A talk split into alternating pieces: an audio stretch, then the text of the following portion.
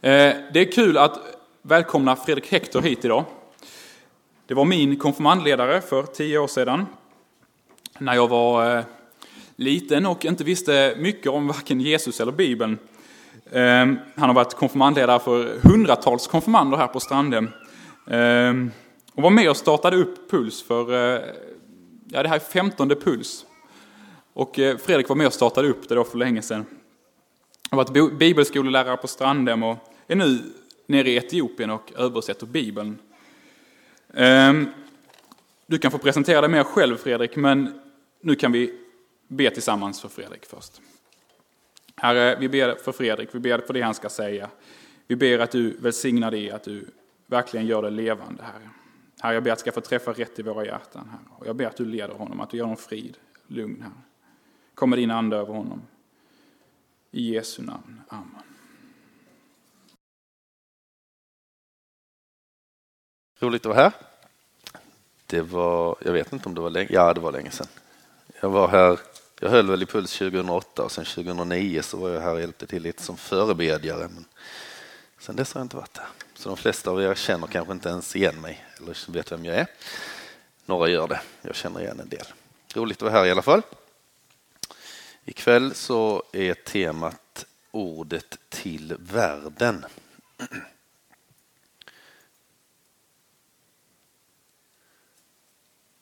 Ja, vet jag inte vad jag ska säga under tiden.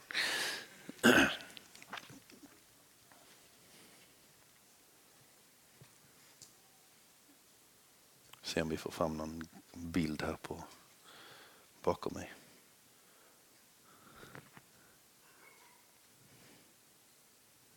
Ja, det var en fin bild, eller hur? Den var värd att vänta på. Se om vi kan få den på stor skärm också. Perfekt. Yes.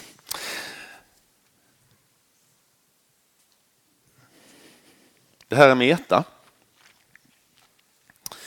Hennes eh, föräldrar eh, kom från eh, Ärö i södra Danmark.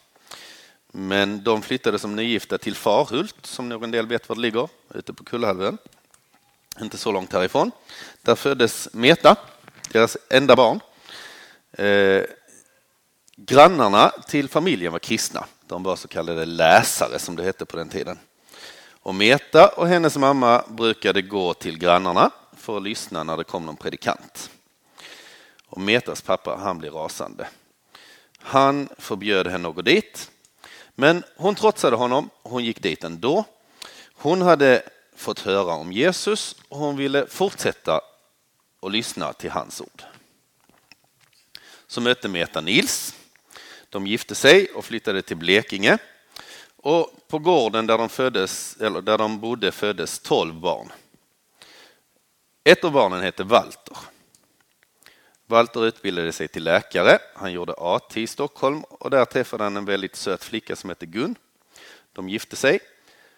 De fick fem barn. Mellanbarnet hette Gisela. Hon fick sex barn. Äldsta barnet hette Fredrik och det är jag. Yes. Så. Om inte, jag har lite dålig hals idag, ni får stå ut med det, men om inte Meta hade fått höra Guds ord på läsarmötena hos grannarna så hade inte jag stått här idag.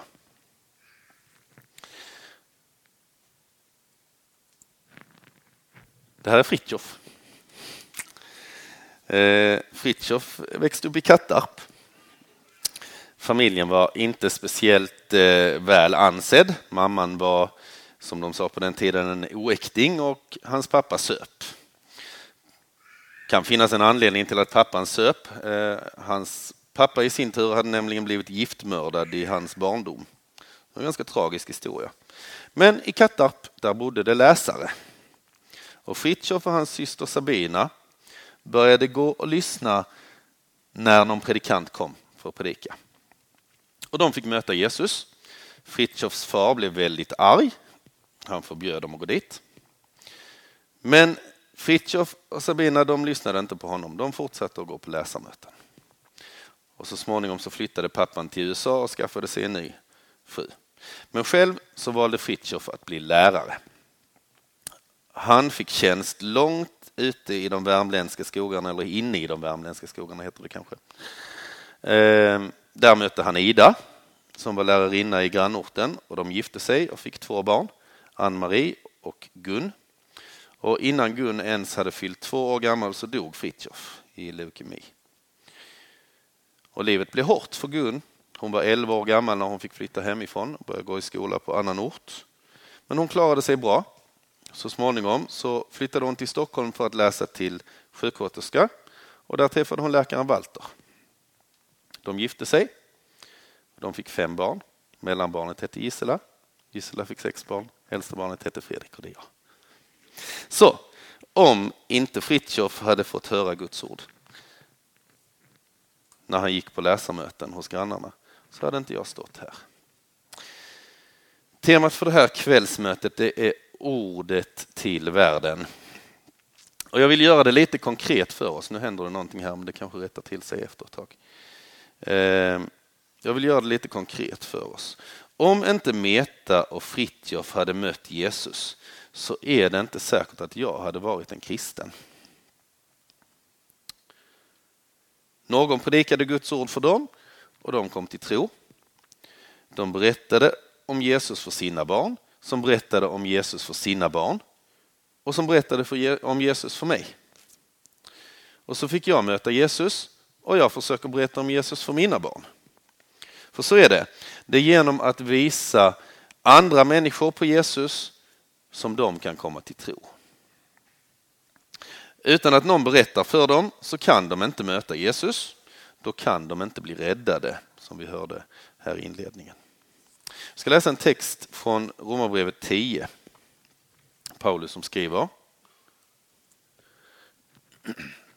Jag vet jag inte om den kommer med hela texten, men det gör inte så mycket. Ni får lyssna på sista raden bara. Ty om du med din mun bekänner att Jesus är Herre och i ditt hjärta tror att Gud har uppväckt honom från de döda skall du bli räddad. Hjärtats tro leder till rättfärdighet och munnens bekännelse till räddning. Skriften säger ju, ingen som tror på honom ska stå där med skam. Det är ingen skillnad på jude och grek. Alla har samma Herre och han ger av sin rikedom åt alla som åkallar honom. Till var och en som åkallar Herrens namn ska bli räddad. Men hur ska de kunna åkalla den som de inte kommit till tro på? Hur ska de kunna tro på den som de inte har hört? Hur ska de kunna höra utan att någon förkunnar? Hur ska någon förkunna? Hur kan någon förkunna utan att vara utsänd? Det står skrivet Skönt ljuder stegen av dem som bär bud om goda ting. Men alla lyssnade inte till budskapet, ty Jesaja säger Herre, vem satte tro till det vi förkunnade? Så bygger tron på förkunnelsen och förkunnelsen på Kristi ord. Jag ska inte hålla något, något långt bibelstudium ikväll. Jag ska försöka att ge er lite mer konkreta exempel, men jag måste ändå få säga två saker om den här texten. Den har två delar. Den första delen, den handlar om hur man blir räddad.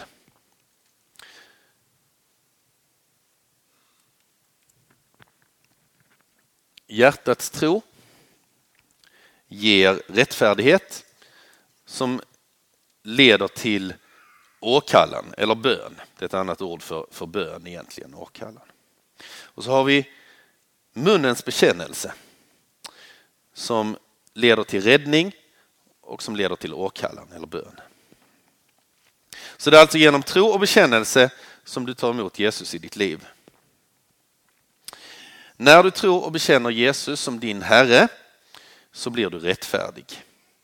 Det vill säga du blir förklarad oskyldig inför Gud. Du blir räddad från döden till livet. Och en självklar konsekvens av att du nu lever i en öppen relation med Gud utan skam, som det står, det är att du också talar med honom i bön. Så när vi tror på Jesus så får vi del av det eviga livet. Så det är den första delen. Den andra delen handlar om hur man kommer till tro. Och enklast för att förstå texten, jag ser lite dåligt när jag har den här på denna så jag kanske bara håller den i handen istället. Enklast för att förstå den här texten, det är att plocka ut alla verb och så vända dem fram och baklänges. Det är John Stott som har sagt att man ska göra så, så det tror jag är bra. Så vi testar det här i verben. Och då får vi följande ordning på dem. Vara utsänd eller sända. Förkunna, höra, tro, åkalla. Vi har redan sett att vi behöver tro för att kunna åkalla, för att kunna be. Men hur får vi då tro? Det får vi genom att höra Guds ord. Och hur får vi höra Guds ord? Det får vi genom att någon förkunnar det för oss. Någon predikar Guds ord för oss. Och hur kan någon förkunna Guds ord? Jo, det gör han bara om någon sänder honom, säger Paulus. Och i det här fallet så är det församlingen eller kyrkan som sänder ut människor att förkunna Guds ord för andra. Så att de kan få höra om Jesus och ta emot honom i sitt hjärta. Vi har redan sett exemplet här på Meta och Fritjof. Om ingen sänds ut för att förkunna Guds ord för dem så att de fick höra så hade de inte kommit till tro. Och då hade mitt liv sett annorlunda ut. Så vi är insatta i ett stort sammanhang i Guds rike. Var och en av oss som sitter här har fått höra om Jesus av någon. Och jag tror att de allra flesta av er också har tagit emot honom i sitt hjärta och bekänt honom som sin Herre. Men så vet vi att det finns människor som aldrig får höra om Jesus. Hur ska de då kunna bli räddade? Den mest fantastiska versen för oss i den här texten är kanske ändå den i vers 12. Det är ingen skillnad på jude och grek. Alla har samma Herre. Därför det betyder att vi också kan få del av evangeliet, av budskapet om Jesus. För det är faktiskt inte helt självklart att vi skulle få det, vi som inte är judar. Att vi skulle få del av Guds räddningsplan. Den var primärt till för judarna från början. Och vi fick komma med i efterhand. Paulus han pratar om det som att vi är vildgrenar som blir inympade i det äkta olivträdet. Och så är det. Alla folk i världen har rätt att få höra om Jesus. Både vi svenskar och de som bor i andra länder. Så vad gör vi åt det? För om man inte får höra om Jesus så kan man ju inte tro. Och om man inte tror så har man inte del i det eviga livet. Då riskerar man evig död. Det som Simon pratade om här. Det ska vi prata mer om imorgon. Men jag tror det är viktigt. Människor behöver få höra om Jesus. Annars går de förlorade. Annars brinner de inne. Och så vet vi också att vi har världens bästa budskap om nödutgången. Så egentligen vill vi ju innerst inne att alla människor ska få höra det budskapet. Eller hur? Och så kan vi tänka att vem är väl jag? Vad kan jag egentligen göra? Är det lönt? Men tänk på Meta och Fritjof. På grund av att de envisades med att gå på läsarmöten så har idag hundratals människor blivit kristna. Meta hon fick tolv barn. De tillsammans fick mängder av barn som fått mängder av barn som fått mängder av barn. Och idag är det säkert flera hundra kristna. Många av dem är kristna. Det nästan vara kul att be dem som är ättlingar till Meta ställa sig upp. Vet ni att ni är det? Linus är det i alla fall. Andreas är det i alla fall. Det är ett gäng här inne tror jag som är ättlingar till denna dam på bilden. Ja, Hanna sitter där, hon är också med ättling till Meta. Mm. Så hon har fått jättestor betydelse. Bara det där att hon gick på de där läsarmötena för 130 år sedan. Det visste du inte Simon? Nej. Okej. Okay. Eh, så det var en liten inledning kan man säga. Jag och min familj bor i, eh, i södra Etiopien. I en liten by som heter Gisma. Nej, tryckte på fel knapp. Hoppas det funkar ändå. Funkade det? Ja, här bor vi. Man kan säga att det är i bushen. Eh, människorna som bor där, de tillhör en folkgrupp som heter Tsamako. Och eh, jag ska bara snabbt gå, gå, bara visa er bara lite grann vad det är vi håller på med. Det tar inte så lång tid, det är inte det jag ska fokusera mest på. Eh, men de lever väldigt traditionellt. Eh, de klär sig väldigt traditionellt. Eh, många av kvinnorna har, har skinnkjolar och ofta har de ingenting på överkroppen. Och det kan man förstå för det är ganska varmt. Eh, utvecklingen börjar komma ifatt dem lite mer nu, så nu är det många som köper vanliga tygkläder också. Det är väl antagligen betydligt bekvämare att ha på sig än skinnkläder också. Men den traditionella livsstilen är fortfarande väldigt stark. Eh, de har boskap. Kor och getter och sånt. Det klipper lite bilderna här. Men ni ser väl. Och eh, de bor ju i den här typen, ja det typiska Tsamakohus. Det är vår närmaste granne, en av våra närmaste granne. Ja det är vår närmaste granne. Där uppe till vänster. Eh, så de har boskap och beroende på var man kan hitta vatten så flyttar man runt lite i landskapet. Men, men man bor på ett ställe men man får flytta sin boskap ibland. Och så försöker de odla när det kommer regn. Det är det ni inte ser längst ner till höger. Det är ett majsfält. Eh, ser man det? Nej, man ser inte det heller. Eh, men ofta så regnar det inte så mycket för det är, här är ett halvökenområde så det är väldigt varmt. Eh, ofta nära 40 grader i den varmaste perioden, en bit över 40-43 hade vi i februari sist. Så det är ganska varmt. Om det är någon som inte tror mig så prata med de elever från bibelskolan som var där och hälsade på oss för ett tag sedan. Som fick gå en mil drygt i värmen. Fick känna på hur det kan vara att leva där. Eh, och människorna där nere, de, de tillhör per definition de onådda folken. Eh, många av de här folken har inte hört om Jesus överhuvudtaget. Ja, där var bilden på att det var varmt. Jag ska ta nästa. Många av de här folken som bor här nere har inte hört talas om Jesus överhuvudtaget. Ehm, I vår folkgrupp räknar vi med att det efter att missionen har varit där i 20 år så är det ungefär 1 procent kristna. Vi tror det kan vara runt 200 kristna av en befolkning på 20 000. Det är väl ungefär som Helsingborg eller Landskrona tror jag. För att göra en jämförelse. Ehm, så de allra flesta de tror fortfarande på den gamla naturreligionen. Och i korthet så går det ut på att man, man tror att när man dör så blir man en osalig ande. För att få frid så måste man begravas en andra gång. Och det ni ser på bilden här till vänster det är, det är gravar. Eh, och det till höger det är en, en eh, hydda man använder vid andra gången man begraver någon. Då samlar man benen och så lägger man dem i den här hyddan. Så tänder man en eld och så tänker man sig att människan har på något vis vaknat till liv igen. Och så har man en gigantisk fest i tre, fyra dagar. Hundratals, kanske tusentals människor kommer. Hundratals kor slaktas. Så det tar ofta väldigt lång tid innan man kan ha den här festen. Det kan ta flera generationer faktiskt innan man kan ha den här festen. Så då förstår ni att det finns en massa osaliga andar som vandrar runt eftersom man inte så ofta kan ha den här andra begravningsfesten. Eh, och då gäller det att hålla sig väl med dem på olika sätt. För de påverkar hela, hela vårt liv på något sätt. Eh, de vill, vill oss inte gott. Så det gäller att, att offra rätt och skydda sig på rätt sätt. Om en get eh, hostar eller nyser precis när jag ska ut på resa så stannar jag hemma. Det är ett dåligt tecken. Och ibland så ser man en speciell sorts ödla springa fram och då, då brukar de kasta sten efter den och jag har frågat varför gör ni det? Nu Hände det här igen? Det är HDMI-sladden som inte vill.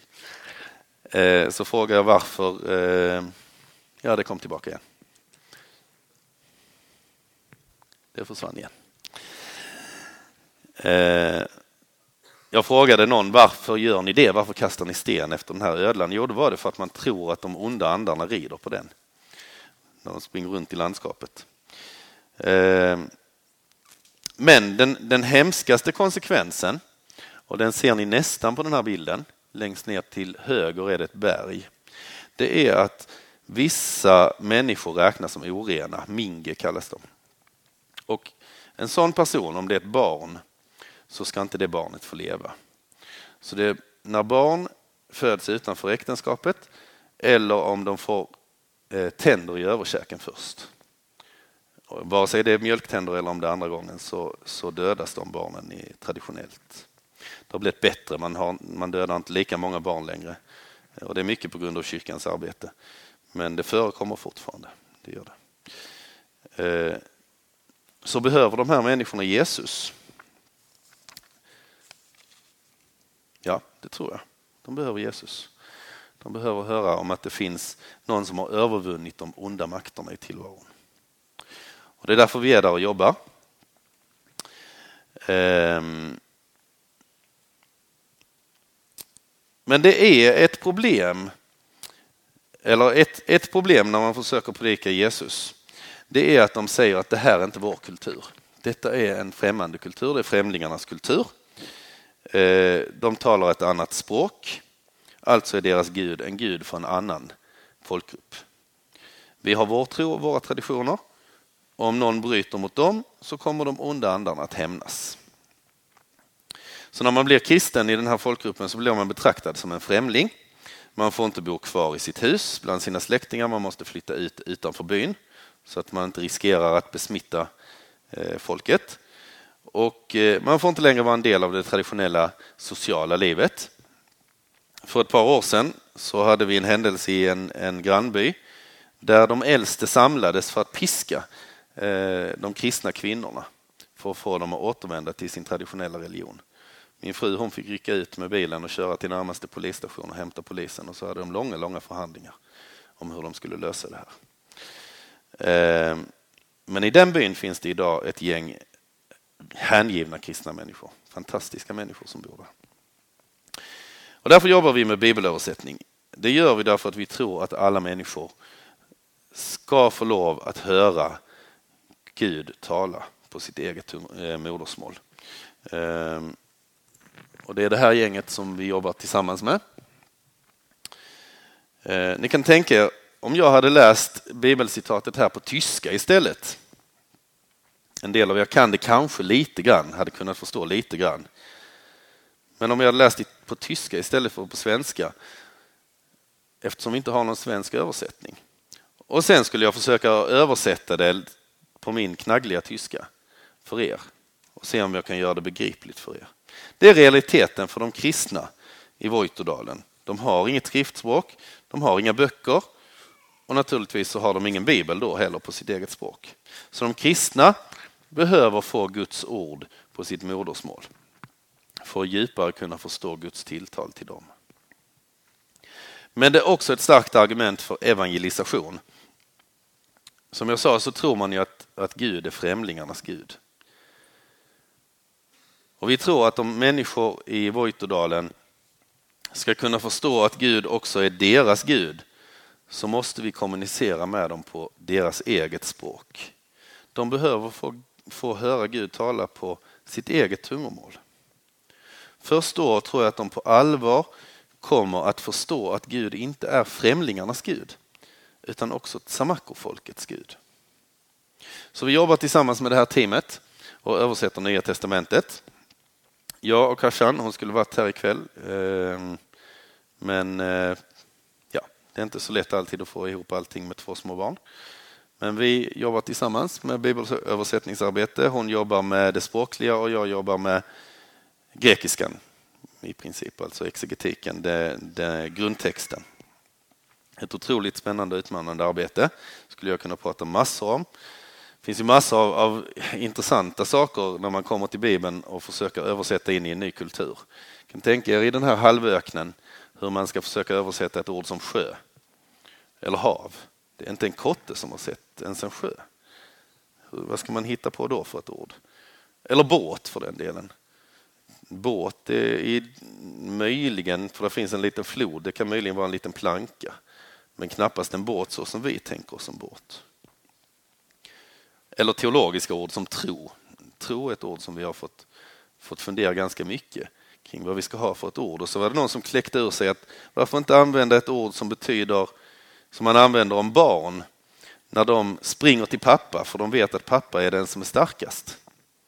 Så det ordet använder vi nu ett ord som betyder att, att springa till, till pappa för man vet att pappa är starkast. Det är tro. Det är fint. Mm. Så jag skulle kunna berätta en, en hel del sådana historier om hur vi kämpar med att hitta rätt ord och rätt uttryck. Eh, men ikväll så vill jag fokusera på något annat. För det räcker ju inte med att bara ha Guds ord människor måste ju också få höra det.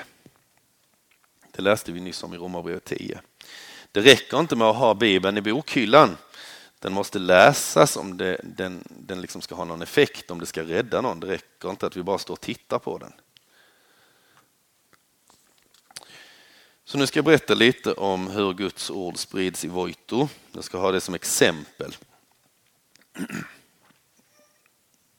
Det är inget vatten kvar i någon av mina koppar va?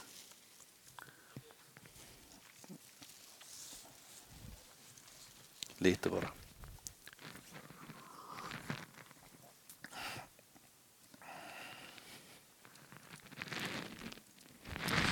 Det här är eh, bilder på några av de, de eh, missionärer som var de första i Voito för ungefär 10-15 år sedan. Eh, kommer ni ihåg schemat som vi gick igenom tidigare?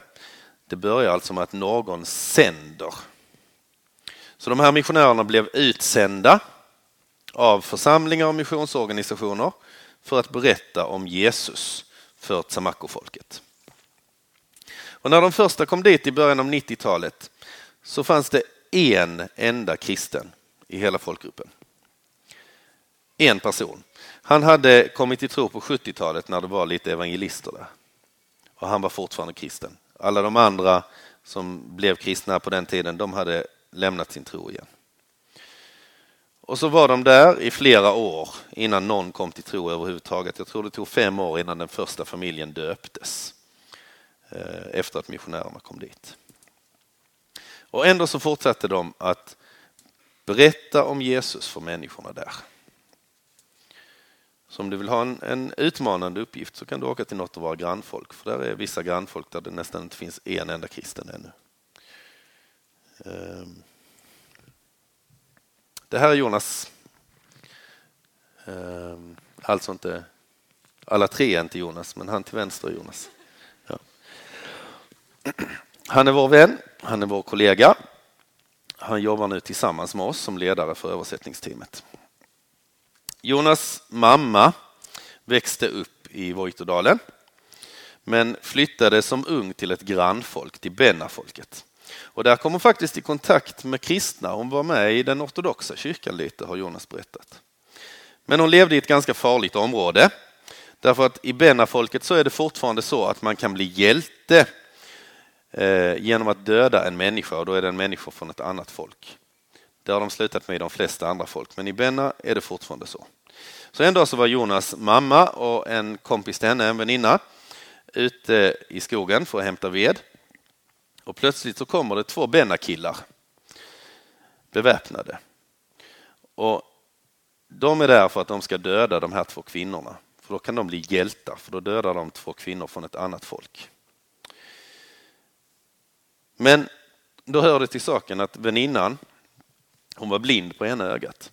Så hon börjar argumentera med de här killarna och säger vadå, ska ni döda mig? Jag är ju handikappad, det är väl ingen som blir hjälte av att döda mig? Så då börjar de här två eh, killarna bråka med varandra om vem som ska få döda Jonas mamma. Och medan de slåss så smiter tjejerna iväg. Ja. Sådana, såna historier kan man höra massor av, eh, av i området där. Men så småningom så flyttar Jonas mamma tillbaka till Voito och hon gifter sig och hon flyttar upp i bergen och hon återgår till sin traditionella religion. Hon blir gravid med ett barn som hon dödar, för det är Minge. Och sen får hon Jonas. Och det blir den enda sonen.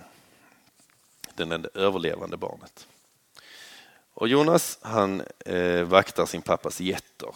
Och han är en riktig tänkare. Han funderar jättemycket. Jag har nästan aldrig träffat en människa som är så ska säga, filosofisk ibland. Så han går där och vaktar sin pappas getter och dödar babianer. Och så tänker han, var kommer allt? Ja, han påstår att han har dödat över 200 babianer jag tror honom faktiskt. Eh, han hatar babianer. Ja, det, är för att de, det är för att de äter getterna. De tar dem i, i eh, baken och sen så river de sönder dem. Så det är inte så kul när man ska vakta pappas, pappas getter när babianerna kommer. Så då satte han upp fällor. Och så. Han, egentligen, han dödade inte alla, en del stack han bara ut ögonen på och skickade iväg dem faktiskt. Men det var innan han blev kristen. Så det, mm. Ja, ja, hur som helst. Tillbaka till kvällsmötet. Um, Okej, okay. han går där och så funderar han och funderar och funderar. Var kommer allting ifrån? Vad händer om himlen ramlar ner på jorden? Har ni tänkt på det någon gång? Och så drömmer han drömmar om, om hål som öppnar sig i avgrunden så att man bara faller ner och slukar allting. Och människor, han drömmer faktiskt en dröm om människor som kommer från norr med ett stort ljus. Och så är han väldigt rädd hela tiden. Vad händer om jag dör? tänker han. Vad händer om jag dör? Och så frågar han sin mamma, vem är det som har skapat allting? Och hon säger, ja, det är Gud som har skapat allting.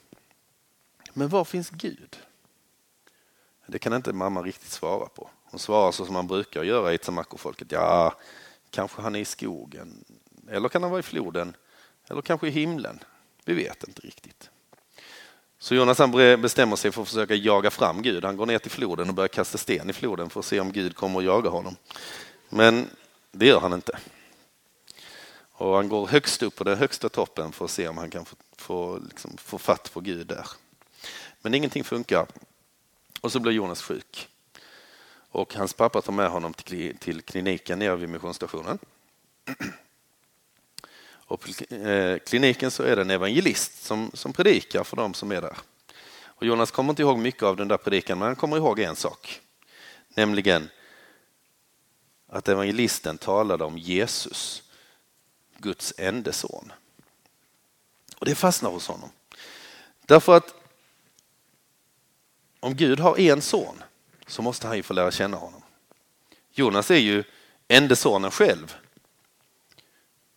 Så de kan säkert bli kompisar. Han och Guds son.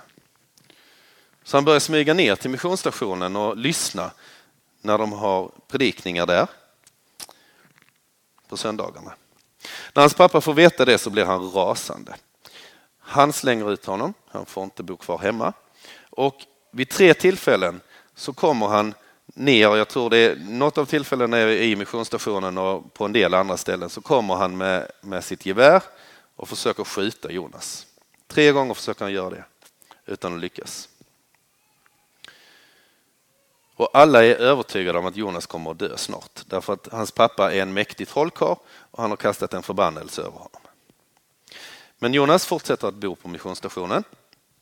Han får börja skolan och han får jobba åt en missionärsfamilj. Och så småningom så avslutar han skolan och fortsätter att plugga på andra ställen. Och han lyckas avsluta både grundskola och gymnasium. Han kommer in på högskolan på teologiska seminariet i Addis Abeba där han börjar plugga teologi. Och då har han gift sig också med Alemnesh och fått eh, två barn. Det är det ena av dem som är här. Och det är där vi träffar honom. Han blir Kashans, min frus eh, språklärare. Och som den allra första i sin språkgrupp så tar han en högskoleexamen eh, 2011. Det uppmärksammades i flera media i Etiopien också. Jonas mamma är död, men innan hon dog så, så blev hon en kristen. Hon tog emot Jesus. Jonas och hans pappa har slutit fred och pappan kom till och med till Addis eh, för att vara med på den här eh, graduation examenshögtiden.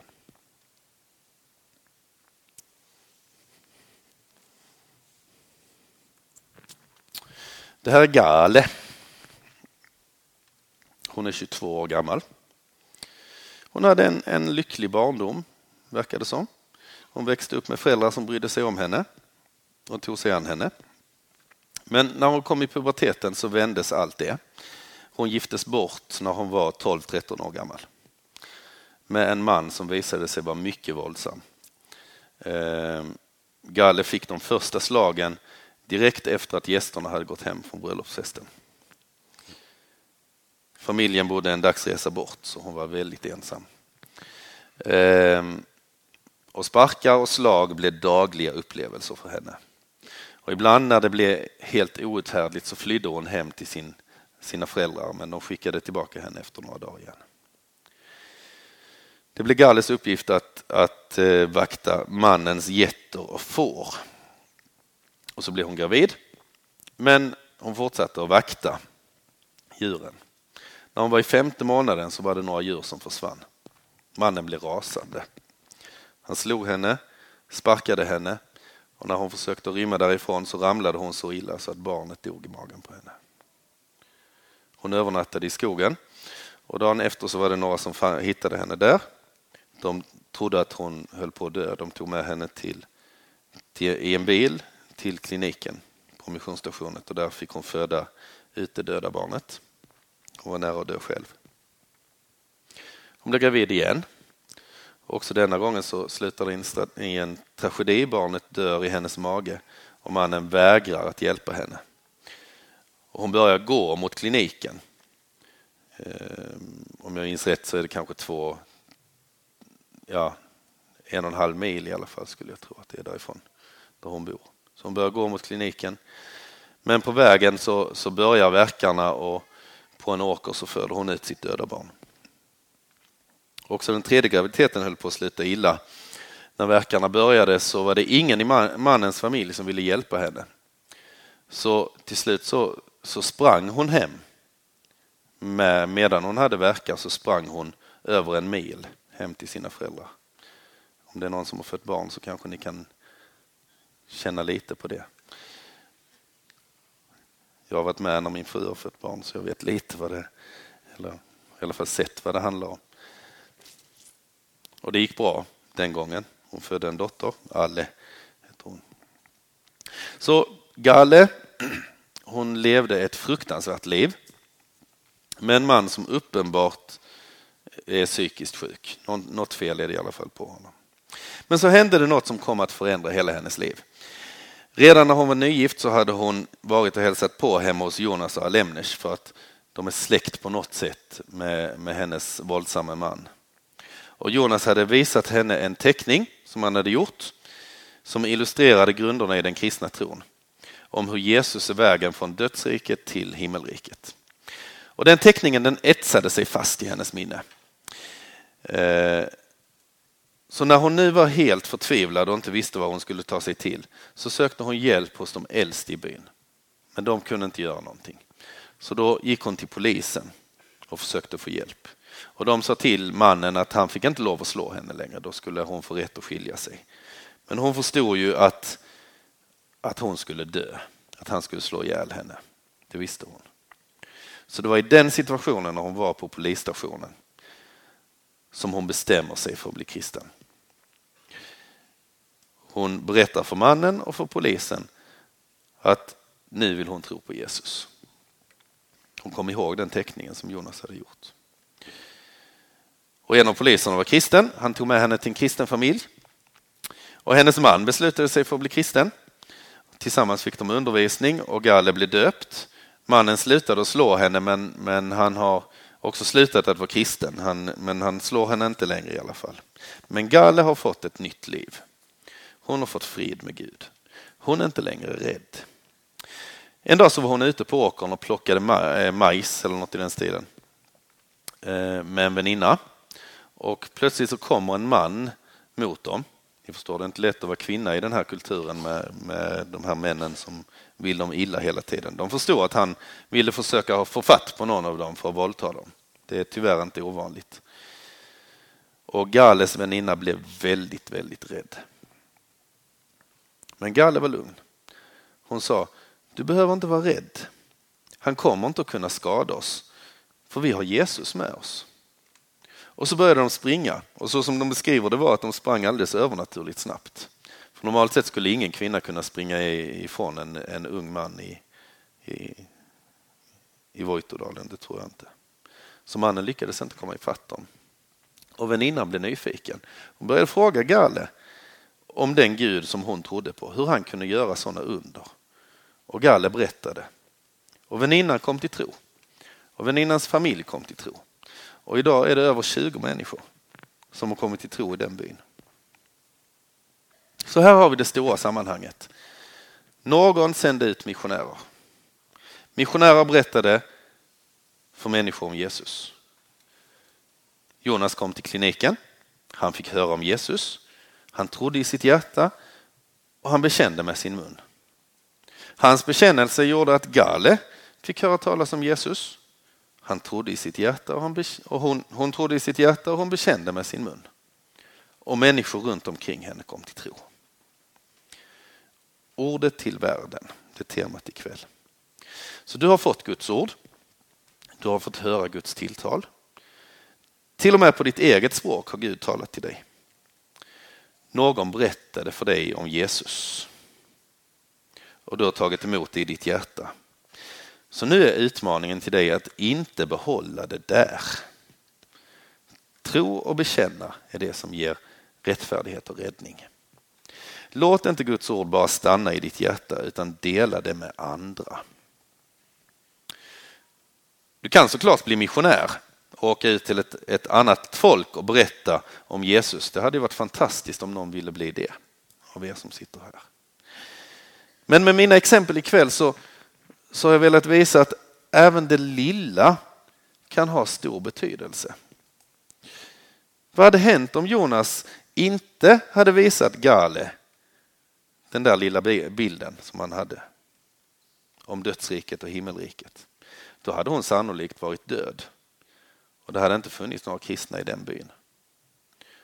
Vad hade hänt om Gale inte hade berättat om Jesus som hjälper när man är rädd? Då hade hon varit den enda kristna i sin by. Men de gjorde det enkelt och okomplicerat. De ställde sig inte upp och höll en lång predikan, men de tog tillfället när det kom och vittnade om Jesus. Tänk så mycket vi skulle kunna uträtta här om vi vågar vara Jesus vittnen. Det kan faktiskt vara så att du berättar om en, för en människa om Jesus och den människan sen berättar för andra, som berättar för andra. Och så blir ditt lilla, lilla vittnesbörd som ringar på vattnet. Kanske det till och med är någon som kommer fram till dig i himlen och säger Tack för att du berättade för min farfars mor om Jesus. Om du inte hade gjort det så hade jag kanske inte varit här.